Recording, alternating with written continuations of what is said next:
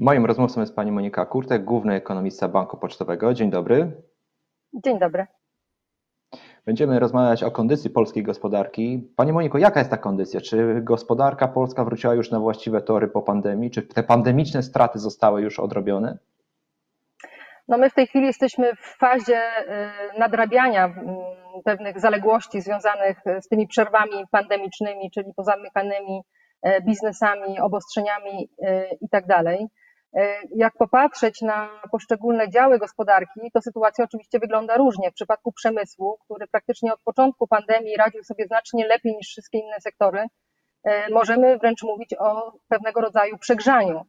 E, w przypadku usług, a zwłaszcza gastronomii czy na przykład hotelarstwa, no tutaj wiemy, że my dopiero e, wkraczamy na taką ścieżkę e, ożywienia, która no de facto też nie wiadomo jak długo potrwa, prawda? Dlatego, że pandemia cały czas się nie skończyła, stoimy u progu czwartej fali w Polsce i nie wiadomo, czy jakieś obostrzenia nie będą ponownie konieczne. W związku z tym tutaj te obszary, no po pierwsze próbują dopiero nadrabiać e, chociaż po części te straty, które poniosły e, w okresie tym najgorszym pandemii, a jednocześnie te branże również e, mierzą się z tym dużym ryzykiem dużą niepewnością, jeżeli chodzi o przyszłość.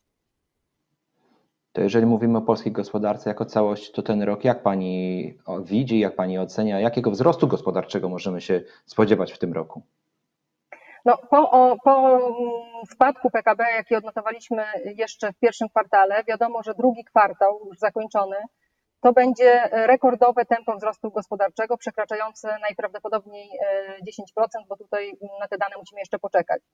Ale wiemy też, że e, to nie jest takie e, rzeczywiste, realne 10%, z tego względu, że to jest po prostu z kolei bardzo niska baza odniesienia z roku poprzedniego, gdzie mieliśmy mm, recesję e, przekraczającą 8% w ujęciu rocznym. Więc te efekty bazy oczywiście tutaj są e, bardzo istotne. Ale w tej całej sytuacji jednak trzeba zauważyć to, że mieliśmy w maju tego roku e, no, luzowanie, już takie bardzo szerokie luzowanie obostrzeń po trzeciej fali.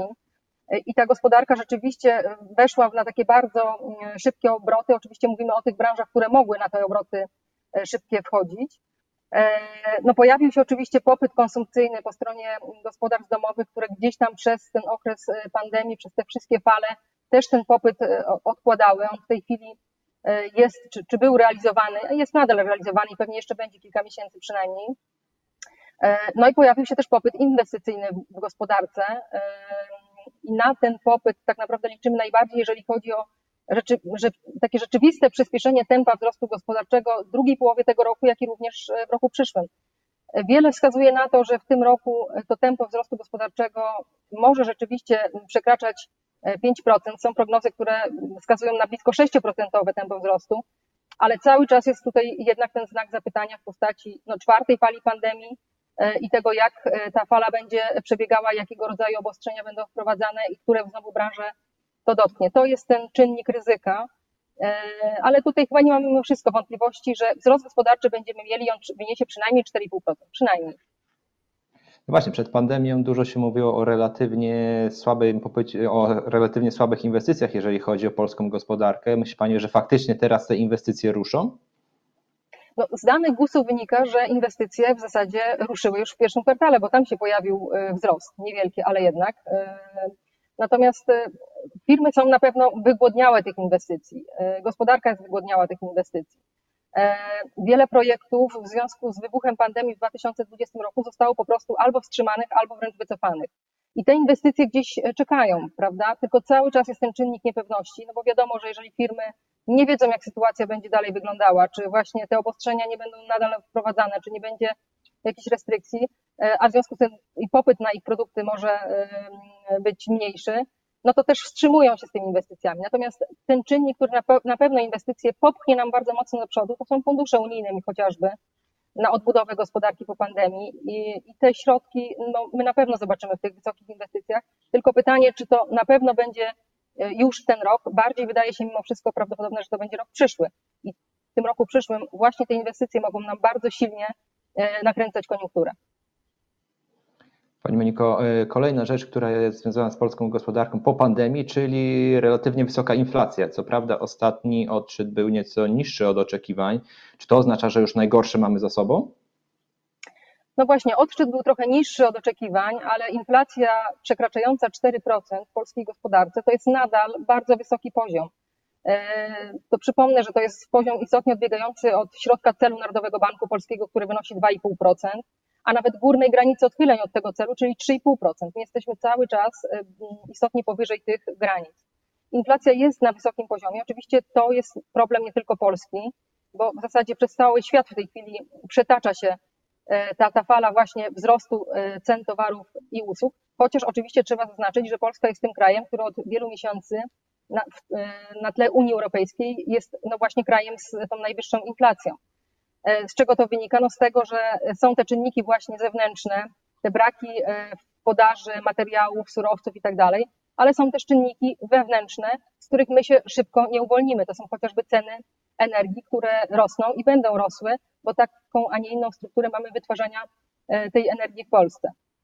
Dlatego ja tutaj nie do końca zgadzam się z chociażby niektórymi członkami Rady Polityki Pieniężnej, którzy mówią, że inflacja e, nam wyhamuje. Ona owszem wyhamuje, trochę nam wyhamuje ze względów e, statystycznych, ale e, uważam, że przyszły rok, zwłaszcza jeżeli rzeczywiście ruszyłby ten popyt inwestycyjny, inwestycje bardzo mocno wyrosły, popyt konsumpcyjny się również utrzymywał, to my uważam, mamy zagwarantowaną tą inflację cały czas na podwyższonym poziomie. Może to nie będzie ponad 4%, ale myślę, że jednak powyżej 3,5%. Mówi Pani, że nie zgadza się Pani z, z, niektórymi członkami Rady Polityki Pieniężnej. W takim układzie, co powinna zrobić Rada? E, kiedy powinna być podwyżka stóp procentowych? W tym roku czy w przyszłym? Według mnie z podwyżkami stóp procentowych moglibyśmy wystartować już i mogłyby być to właśnie bardzo delikatne, stopniowe i powolne podwyżki e, stóp procentowych. Wiadomo, że stopy procentowe na takim poziomie, na jakim my je mamy w tej chwili, czyli rekordowo niskim i bliskim zera, e, nie będą mogły być utrzymywane dłuższej perspektywie. Tak? No, biorąc chociażby pod uwagę to tempo wzrostu gospodarczego, jakie przed sobą mamy, czyli e, napędzane konsumpcją czy inwestycjami. E, ta normalizacja polityki pieniężnej będzie musiała się zacząć na pewno. No, z wypowiedzi naszej Rady Polityki Pieniężnej wynika, że raczej to będzie jednak mm, nawet połowa przyszłego roku. E, natomiast uważam, że przy takim wzroście cen, jaki w tej chwili mamy i przy takim tempie wzrostu gospodarczego, jaki już mamy, takie delikatne podwyżki powinny się rozpocząć, chociaż najprawdopodobniej Rada do zacieśniania polityki monetarnej rozpocznie u nas od e, ograniczenia czy wręcz e, wygaszenia programu skupu aktywów i daje wyraźnie do zrozumienia, że tak to się zadzieje. W związku z czym w tym roku raczej spodziewałabym się na jesieni, być może dopiero w listopadzie, przy okazji najnowszej projekcji, e, najnowszej projekcji NBP, właśnie ogłoszenia tego zacieśniania E, skupu aktywów, a dopiero w dalszym kroku, w dalszej kolejności podwyżek stóp procentowych. Natomiast podwyżki stóp procentowych mieliśmy już w Czechach, na Węgrzech. E, pytanie, jak w tej całej układance e, odnajduje się polski złoty? Czy zbierność Rada Polityki Pieniężnej skazuje naszą walutę na słabość? No, gdyby Rada Polityki Pieniężnej ogłosiła, czy dała wyraźnie do zrozumienia, że rozpoczyna proces zacieśniania polityki monetarnej, złoty na pewno rozpocząłby umocnienie, bo tak to działa.